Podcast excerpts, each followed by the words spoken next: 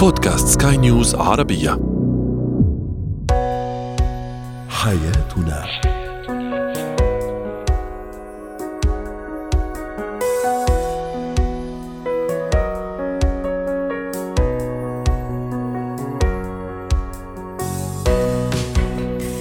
مستمعينا الكرام أهلا بكم. معنا إلى حياتنا فضاؤكم اليومي الذي يعنى بشؤون الأسرة وباقي الشؤون الحياتية الأخرى والذي يمكنكم الاستماع إليه عبر منصة سكاي نيوز عربيه dot com slash بودكاست وباقي منصات سكاي نيوز العربية الأخرى. شاركونا عبر رقم الواتساب 00971 561 88 6223 معي أنا آمال شاب. اليوم نتحدث عن تحديات سنة أولى زواج. ما هي هذه التحديات؟ كيف نتوقعها؟ وكيف نتلافاها أيضا؟ ونتجنبها. ما هي طرق تحفيز حواس الطفل الرضيع؟ وأخيرا إتيكيت الضيافة والإقامة لبعض الأيام عند الأقارب والأصدقاء. هو وهي.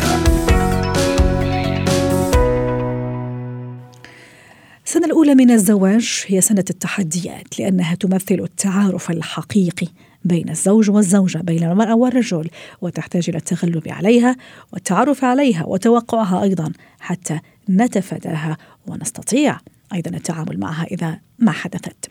رحبوا معي بالاستشارية النفسية دكتورة نيكول الهاني ضيفتنا العزيزة من بيروت يسعد أوقاتك دكتورة نيكول أهلا وسهلا فيك. هل توقع هذه التحديات جزء من الحل؟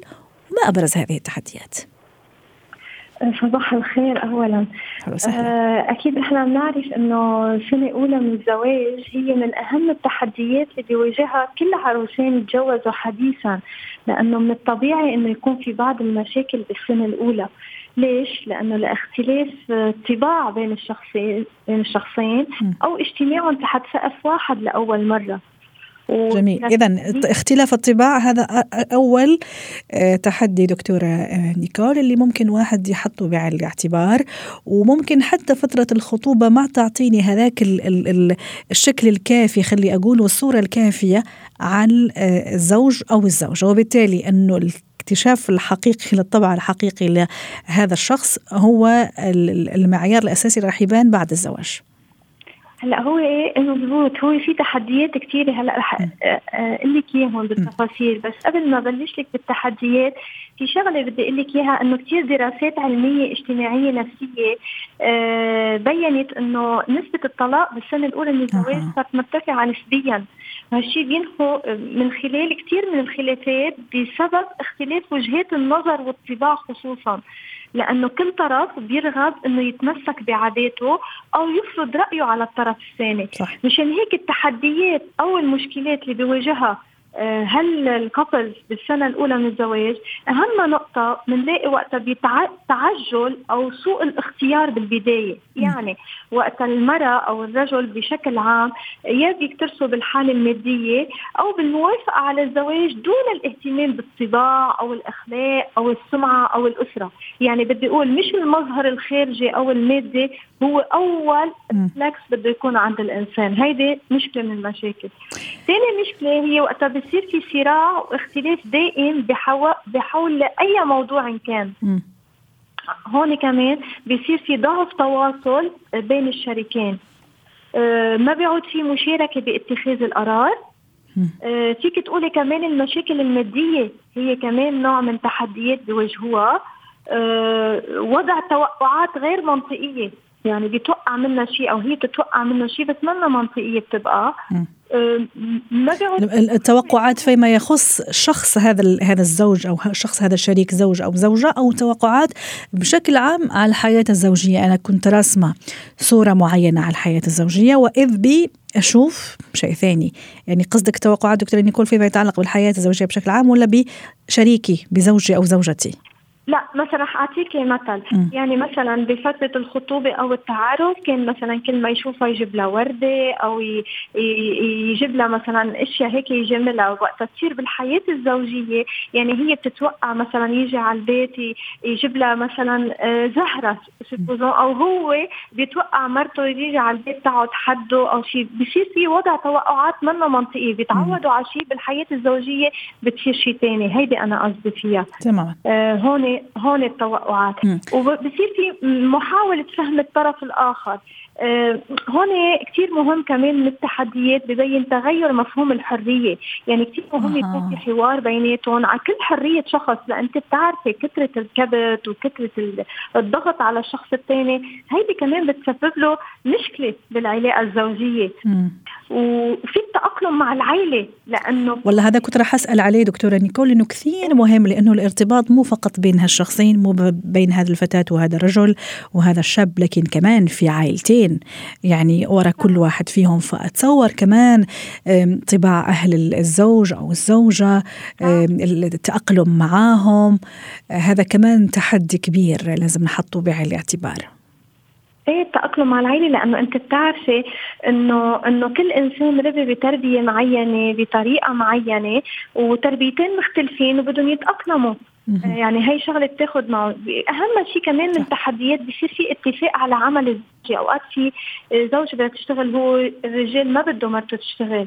وكمان من المشاكل اتفاق على المشاركة كيف يصرفوا بالمنزل إذا الزوجة بتت... آه، تعم تشتغل. عاملة. كلهم هو وفي شكوى للأهل أوقات بفوتوا الأهل بالمشاكل ولا هيدي شغلة كثير كثير غلط. وأهم شيء بدي نوع على عدم التكافؤ بالمستوى المادي أو العلمي. هيدا كثير بيسبب مشكلات كبيرة. أو إهمال الزوجة لزوجها. لكن نحن هون بدنا نقول شغلة إنه الحياة الجديدة هي اللي عم ياخذوها هي مختلفه عن الحياة اللي تعودوا عليها. إنت صحيح. الزوج ولا الزوجة؟ أنا راح أضيف لكل هالتحديات دكتورة نيكول. ما اعرف كمان شاركينا الرأي يا ريت. الأمومة المبكرة أو الأبوة المبكرة اللي كمان ممكن تكون من بين التحديات خاصة إذا ما نعمل حسابها أو ما كان مخطط ليها. فممكن هذه كمان راح توقع على عاتق الزوج أو الزوجة مسؤولية ومسؤولية كبيرة في النهاية لما أنا يعني أجيب ولد أكيد في مسؤولية كبيرة في أشياء كثيرة راح تتغير. تتغير في حياتي. هل كمان هذا يعتبر من التحديات؟ أكيد هيدا كمان التحديات هي وقتها وقتها بده يكون في هالمشاكل اللي رحنا عم نقولها هدول اللي واجهوها هون ما بدنا نقدم دغري على ولادة لأنه رحنا اليوم بنظبط آه، العلاقة بين اثنين فبعدين نقلب على الولادة لأنه وقتها بده يصير في طفل بهالبيت ويصير في هالمشاكل حيتأثر هالولد. وهالولد لا أنا أقصد حتى إذا ما في هذا المشاكل دكتورة نيكول يعني حتى إذا في المشا... ما في مشاكل بس قصدي كمان هذا ولا وحده يعتبر تحدي. أنا يعني ما كنا مخططين بين قوسين إذا صح التعبير لا مثلا نجيب بيبي في بداية الزواج وإذ بي ربنا سبحانه وتعالى شاء وأراد. آه، هل كمان هذا راح يدخلني في نفق مسؤولية؟ يمكن أنا ماني مستعدت له الآن بعد شهر أو شهرين. يمكن مستعدت له بعد كم شهر. فقصدي أنا هذا هذا تحدي لوحده بغض النظر عن المشاكل. أكيد. أكيد أكيد هذا تحدي لأنه هذه كمان مسؤولية عليه مسؤولية عليها ومسؤولية عليه إنه اليوم كمان إنه اليوم إحنا تجوزنا اليوم في عائله بدها تماما بغض النظر بدهم ولا ما بدهم تماما بغض تمام. النظر بغلطة ولا مش بغلطة اليوم في مسؤولية وعليهم على الطرفين يتحمل كل منهم المسؤولية إن طيب. كان كأم ولا كأب بعدين أكيد أنا اللي بدي أقول لك هي شغلة وحدة إنه هن كثير من الامر الطبيعي بهالحياة الجديدة اللي عم ياخذوها إنه يتعرضوا لمشاكل صحيح. آه بس تي... ت... هن كثير مهم هدول التحديات اللي عم ندور عليها. حفاظا على استمرار حياة طبيعية 100% على الزوجة. هي تتاقلم مع حياتها الزوجية الجديده كمان بدها تعتمد على ذكائها أيوه. معاملتها مع الزوج. أيوه. حضرتك ذكرتي نقطة مهمة راح تخليني أسأل سؤال. اتي اللي راح يكون آخر سؤال قبل ما نودعك على خير. كذا بنصائح ذهبية أو كلمات ذهبية كلمات مفتاحية مفتاح يعني. آه شو ممكن تنصحينا كأزواج مقبلين على الارتباط أو لا ازواج حنا في الأشهر الأولى من الارتباط. أعطيني كذا في كلمات سحرية كيف آه، أواجه هذه التحديات. أكيد أنا برجع بقول لهم إن كان بالخطوبة أو قبل الزواج أو بالتعارف أو ما قبل الزواج كثير حلو الواحد يحتاج لشويه حب مع شوية تفاهم مع شوية تضحية ويكون مساحة للحرية لكل طرف من هالطرفين وما يحس هالشخص الثاني بالاختناق وأكيد وقت يحسوا منهم قادرين يتفاهموا في ضرورة الالتحاق بكل منهم بدوات تقدم آه، بعلمون كيفية الحياة الزوجية. توعية إذا بدك لدى أي. الطرفين كيف يتعاملوا بالصبر بالقوة بالإرادة. جميل. والمرونة أيضا في التعامل والذكاء العاطفي كثير مهم.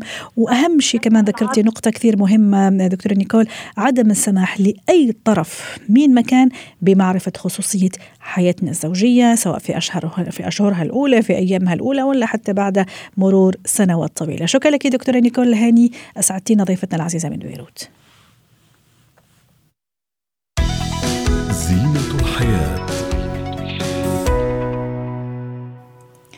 اليوم في زينة الحياة نتحدث عن آه، طرق نحفز بها حواس طفلي الرضيع. رحبوا معي بالدكتور أحمد عبد العال استشاري طب الأطفال يسعد أوقاتك يا دكتور أحمد أهلا وسهلا فيك، اليوم نتحدث عن كائن لطيف جميل ورائع الرضيع في اشهره الأولى، كيف أحفز حواسه الجميلة، عيونه، نظره، سمعه، بصره، كيف أحفز هالحواس عند رضيعي؟ أهلا بك يا امال أهلاً دكتور. المستمعين آه، الأول بحب أشكرك على اختيار الموضوع موضوع شيق جدا وهيكون مفيد جدا لل- للأهل والأم خصوصا يعني. آه، معروف إن آه، تطور الدماغ والحواس بيبدا أثناء مراحل تطور ال- الجنين وهو لسه في رحم الأم وبيستمر بعد الولادة. وزي ما تفضلت والحواس ال- الأساسية خمسة النظر السمع الشم اللمس آه، التذوق طبعا في بعض الناس عندهم الحاسة السادسة بقى. ومعقول الحاسة السادسة في عند الرضيع تبان من البداية؟ مهم. آه، الحاسة السادسة عند الرضيع هي إحساسه بأمه يا سلام وعلاقته بيها يا آه، سلام دي بتبدأ من بدري خالص يعني. ال- أبدأ بال- بالنظر يعني الجنين آه، بيستطيع أن يرى النور والظلام والتمييز بينهم وهو في رحم الأم. وعند الولادة بيقدر آه، يشوف كل شيء بس ضبابي شوية آه، عند ثلاث شهور تقريبا بينجذب ناحية الألوان ال- ال- ال- الفاقعة زي اللون الأحمر مثلا. وبيشوف زي الكبار عند عمر عشر شهور ويقدر يميز كل شيء. يعني شوف فترة طويلة يا دكتور ها يعني منها هينة عشرة أشهر ليقدر يقشع بشكل واضح. بالضبط بالضبط يعني بيبقى عنده الرؤية القريبة الأول وبعد كده الرؤية البعيدة.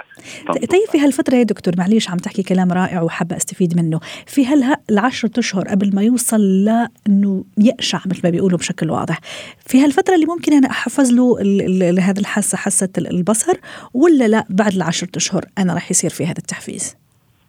لا لا التحفيز بيبدأ من من بدري باستخدام الألعاب الملونة. إحنا قلنا أها. الألوان من عمر شهرين لثلاث شهور. وبعدين نقطة في نقطة مهمة جدا عايزة يعني أنبه ليها. إن هو ممنوع مشاهدة ال- ال- التلفزيون. تعرف إنك سرقت لي الفكرة هلا كنت رح أحكيها؟ آه لأنه مهمة جدا جدا صح. يعني أنت دايما دايما بت- بتلقط النقط المهمة يعني. في حواراتك الأجهزة الذكية قبل عمر سنتين حسب توصيات الجمعية الأمريكية لطب الأطفال ممنوعة تماما لأنها بتثبط كل الحواس الموجودة والذكاء كمان مش الحواس بس. شوف سبحان الله وإحنا نخلي أطفالنا رضع حتى ما يزعجونا بين قوسين للأسف. نعطي iPad أو ممكن مش iPad ممكن نخليه أمام التلفزيون ونحن عم نعمل شغل البيت أو بنحكي تليفون أو نعمل واجب معين. فانا أشكرك كمان إنك أثرت هذا النقطة دكتور أحمد. طب نروح لحاسة أخرى ولا بدك تحكي شيء على البصر قبل ما نروح لحاسة السمع لا تمام. مم. نروح لحاسة السمع يلا. ال- الجنين بيسمع وهو في رحم ال- الأم عشان كده ب- الام أثناء الحمل ساعات في أبحاث كتير بتنصح إنها تسمع موسيقى تسمع قرآن آه، ال- الحاجات دي بتوصل للطفل وبيسمعها كمان أثناء وفي أبحاث. أو أو تحكي معه كمان ها دكتور؟ وتحكي معه وتقرأ له قصص كمان يعني. الطفل ال- الرضيع ساعة الولادة بيكون يعني حاسة السمع عنده مكتملة. يعني عكس ال- النظر. النظر. يعني بتبقى بتبقى واضحة وبتكتمل تماما 100% عند عمر شهر أها. كده ممكن يعني بدري. آه ممكن. بدري جدا. عشان كده ممكن يتخض لو سمع صوت عالي. صح. الطفل المولود. صح معك آه. حق. آه. صحيح. إيه من. طيب في هالح... في هالحالة أحتاج أحفز له هذا الحاسة ولا أموره تمام؟ لا ممكن نحفز ال- ال- الحاسة بس بصوت هادي وزي ما قلنا جميل. موسيقى نغني له كده مش مش مش بصوت عالي أو مزعج أو أو, أو نخضه يعني. جميل. ممكن حتى زي ما تفضلت قصص ممكن الواحد يقول كثير بدري عليه لكن لا دام هو ينصح بانه نحكي قصصه هو في في رحم الأم فأكيد نحكي له قصص هو في الاشهر الأولى كمان. شيء جميل ومحبب. نروح لحاسة الشم شو رأيك؟ تمام. حاسه الشم الطفل بيشم آه، كل حاجة آه، أثناء بيشم كل حاجة أثناء بتنزل له في حليب الأم يشمها حتى الحليب الصناعي عشان كده أي تغيير الأكل اللي الأم بتاكله كله بينزل له فممكن تغيير الأكل نفسه يخليه يرفض الرضاعة في أوقات معينة أو تجيب له يعني حالة نفور من الرضاعة سواء رضاعة طبيعية أو حتى تغيير الببرونة ببرونة الرضاعة اللي بيرضع منها ريحتها أو أو تغيير طعم الحليب أو أو رائحة الحليب نفسها كمان ممكن تخليه ينفر منها. آه، ممكن نحفز حافه يعني حاسه الشم. آه، آه، لما الطفل يبدأ ياكل من عمر أربع لست شهور بقى نشممه الحاجات المميزة. أها. بقدونس شوكولاتة قهوة بس يكون طبعا بصورة غير مباشرة يعني. بمعنى يعني من بعيد قصدك؟ آه من بالضبط من بعيد من لأن الروائح النفاذة بتأثر على صح. بتخليه أهم شيء مش فلفل أكيد. منها. لا أكيد أكيد مش ولا شطة. طيب نروح لحاسة اللمس يا دكتور؟ آه حاسة اللمس آه، من الولادة الطفل بيحس بالحضن باللمس لما تحسسي على إيده يمسك إيدك. آه، بيسترخي لما تعملي له مساج. صح. آه، عايز عايز أقول لك إن في أبحاث أثبتت إن لمس الطفل وعناقه بينظم ضربات القلب وبيشعره بالأمان وبيخليه ينام. وده مش حتى مش الطفل الرضيع ده ده احتياج للإنسان في طول عمره كبار السن وطول عمر حياة الإنسان يعني. آه، التواصل آه، مهم جدا خصوصا في مرحله الطفل الرضيع أو في كبار السن. جميل. آه، ممكن نحفز حفز نحفز حاسة اللمس بإن إحنا نخلي الطفل يلمس أشياء مختلفة. أه. زي مثلا عشب خشب بلاط آه، نحط رجليه على رمل آه، ألعاب معينة عشان يكتشف الحياة المحيطة به من من بدري يعني. صحيح صحيح. طبعا أكيد هذا بعد مرور أشهر أكيد مش في الشهر الأول يا دكتور. أكيد, أكيد طبعا أكيد. طبعا طب في الأشهر الشهر الأول ثاني ثالث تنصحنا بشيء؟ قبل ما نروح للتذوق ونختم معك. آه، في اللمس؟ إيه. اللمس في الأشهر الأولى بننصح بال, بال, بال زي ما ما قلت في البداية بال بالحضن واللمس والتحسس تمام. والرجل آه تمام. آخر شيء التذوق يا دكتور؟ التذوق كمان آه، بيبدأ أثناء وجود الجنين في رحم الأم كل ما الأم بتاكل حاجة بتنزل له عن طريق حليب الأم كمان بعد الولادة. بيعجبني جدا وصف فرويد لما قال إن الدنيا بالنسبة للطفل زي قطعة السكر. بيحاول تذوق كل شيء فيها. أي شيء عينه بتقع عليه بيحاول يحطه في بقه على طول بيحاول يحطه في فمه. يعني زي قطعة السكر هي عبارة عن مكعب سكر بيحاول تذوقه ومعرفته واستكشافه. وبالتالي ممكن تحفيز الطفل بان إحنا آه، ندوقه طبعا من بداية أكله مش مش من بدري يعني الحلو المالح الحادق يعني التنوع الغذائي. آه بالظبط كذا نوع الغذائي الحامض المر ولا بلاش المر. هو المر من بدري يعني. ولا حتى الحامض حرام يعني. مثلا نشوف البعض مثلا يحط له شوية ليمون على طرف لسانه يعني أنا بشوف إنه لا صراحة يعني بدري عليه. بدري. آه. طيب. شكرا لك دكتور أحمد. دائما أسعدتنا وتسعدنا دائما بهذه المشاركات الجميلة والمبدعة. يعطيك ألف عافية.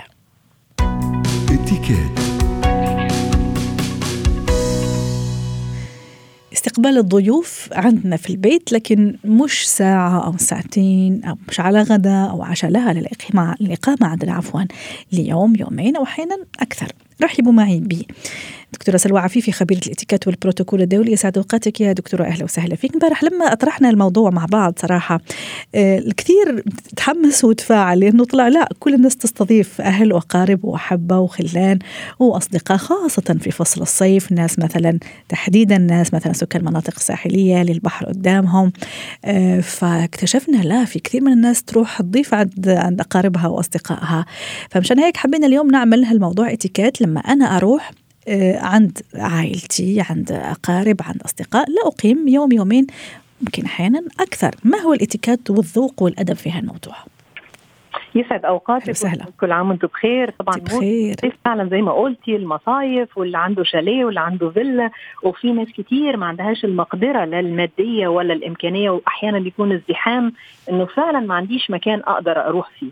فطبعا هنا اللي عنده مكان خلينا نقول إنه بالعكس هو حلو إن هو يشارك النعمة مع من يحب مع أحبابه مع أصحابه يستضيفهم ودي بتبقى فعلا فيها نوع من أنواع الحفاوة. اتيكيت حضرتك سألتي على إنه أنا اللي معزومة عندك ورايحه أيوه. ولا لأ؟ أكيد في فرق لما أنا أكون معزومة ولا أنا اللي أعزم صح؟ طب خليني أقول أنا اللي معزومة. طبعا. واحد عليه دور. إذا أنا اللي معزومه المفروض طبعا إني أش يعني أستشف منك الأول المعزومة مش أنا اللي أطلب. يعني أحيانا يكون مثلا ممكن أنا صحباتي أحيانا يسألوني طب إحنا عايزين نأجر عندكم مثلا في الكومباوند أو المنتجع أو كذا. فأنا من نفسي إذا كان الوضع يسمح لي أنا وعيلتي طبعا أكيد لهم الأولوية. في وقت من الأوقات في أصحاب معينين ينفع في أحيانا الاختلاط مش هيكون مناسب. فإذا كان مناسب واتعزم عليا فعلا المفروض إنه كمان برضو إيه دايما بنقول إحنا عندنا مثل يا بخت من زار وخف أيوه. يعني إنه لازم يكون مش هجيب بقى عيلتي وعيلة العيلة يعني على الأقل أنا وزوجي واولادي مثلا إذا صاحبتي. وبدل يومين أو ثلاثة يصير شهرين وأكثر أحيانا. لا طبعا. إن أنا هلتزم بالفترة اللي قعدناها. أحيانا ممكن طبعا القعدة تحلو ويعزموا عليا إني أنا أقعد أطول. أوكي. الحاجة الثانية إنه لازم أكون متفقة مع أهل بيتي وخصوصا لو عندي أطفال أو حتى شباب ولادي كبار شوية. إنه يا جماعة إحنا رايحين بيت ناس، البيت ده ليه نظام، ليه حرمة صح. في المواعيد، في التجول، في استخدام الأشياء، في المحافظة على الأشياء، لازم نتبع نظام المكان وصاحبة البيت. لازم آخد معايا بعض الأشياء على الأقل كنوع من المساهمة في المأكولات، في المشروبات، في الضيافة، بيت جديد أجيب هدية معايا ممكن أجيب في ناس بتحب تجيب فواتها أيوه. استخداماتها الشخصية جدا طبعا وانت بكرامة الأحذية أو مثلا السليبر أو كده. يعني فكل الأشياء دي عارفة الإحساس فلازم يكون عندنا إحساس عالي مش إنه آه والله فتحوا لنا بيتنا نروح ونقعد ونعلي التلفزيون ونقلب ونوسخ الأشياء في المطبخ. وغض السمع والبصر كمان يا دكتورة عن كل شيء ممكن شفناه في البيت هذا كثير مهم عدم إعطاء ملاحظات على البيت على صاحبة البيت على الديكور يعني كثير كمان هذه أشياء أكيد. مهمة وضرورية. هنحافظ على الثلاث مبادئ الأساسية بتاعة الاتيكيت اللي هي الاحترام تقدير مشاعر الآخرين وعدم التدخل في الخصوصيات. دي هتغطي كل اللي حضرتك قلتيه وزيادة كمان انه فعلا خلاص إحنا دخلنا بيت ناس أيوة. وأكرمونا وأكلونا وشربونا وقوونا. أيوه. نطلع من عندهم ما نقولش يا دول والله دول مش عارفة كذا. كذا خلاص إحنا قبلنا فلازم نحترم ده علشان هم فعلا نبص للجانب الإيجابي فيما فعلوه معنا الجانب الآخر؟ الجانب الآخر بس خلينا أروح على سيرة الأكل والشرب كمان دكتورة. نعم. ممكن أشارك ست البيت كمان وصاحبة البيت ممكن في إعداد الأكل؟ أيوه. يعني زي ما يقولوا أحط إيدي معاها عرفتي كيف؟ ولا لا دام أنا في النهاية أعتبر ضيفة يعني ما يحق لي إني لا أدخل مطبخها ولا هذا خلاص يجي وقت آه. الغداء أنا راح يعني أنا أعزم على الغداء وخلاص يعني عرفتي؟ هو أنا حطلب يعني أنا حبادر وحازم وهطلب أنا شخصيا مثلا لما بيجوا عندي ناس أقول لها لا انت جاية أصلا تستمتعي مش هتقفي في المطبخ. يا سلام أنت راح نجي عندك. آه والله أهلا وسهلا 100 أهلا. والله العظيم بجد. وبدلعهم آخر دلع حتى لو أنا بتعب حتى لو ما عنديش أحد يساعدني كل الوقت. بس أنا بحب كده. بس أحيانا برضه عشان ما أحسسهاش إنه في يعني آه خلينا نقول ضوابط فظيعة أحيانا يعني هي عايزة تقوم تعمل السلطة عايزة تقوم تعمل لابنها حاجة. عايزة تقوم جميل. إن هي في بيتها. صحيح. كمان أخليها تفيل هوم يعني صحيح. تحس انه إنه في, في بيتها. آه في عشر ثواني بعرف إنه صعبة هذه المهمة بس تلخصي لي في عشر ثواني إذا أنا عزمت باختصار شديد. إذا أنا عزمت المفروض إنه طبعا أوفر أماكن آه، الاستقبال طبعا والحفاوة. أوفر أماكن للنوم أو أماكن للراحة أي. آه، أماكن نظيفة المأكولات المشروبات أعرفهم أماكن الأشياء والمرافق آه،. أحط لهم خطة للفسحة كمان يعني ممكن أي. أعرفهم. آه، آه، اخليهم يحسوا إنه أنتم أحرار تصحوا في الوقت اللي أنتم عايزينه وتناموا في الوقت اللي أنتم عايزينه. واضح. إحنا بنصحى في الوقت كذا الفطار الساعة كذا واهلا بيكم في أي وقت وكل عام وأنتم بخير. وأنت بصحة وسلامة. شكرا لك دكتورة سلوى عفيفي أسعدتينا ضيفتنا من القاهرة. حياتنا.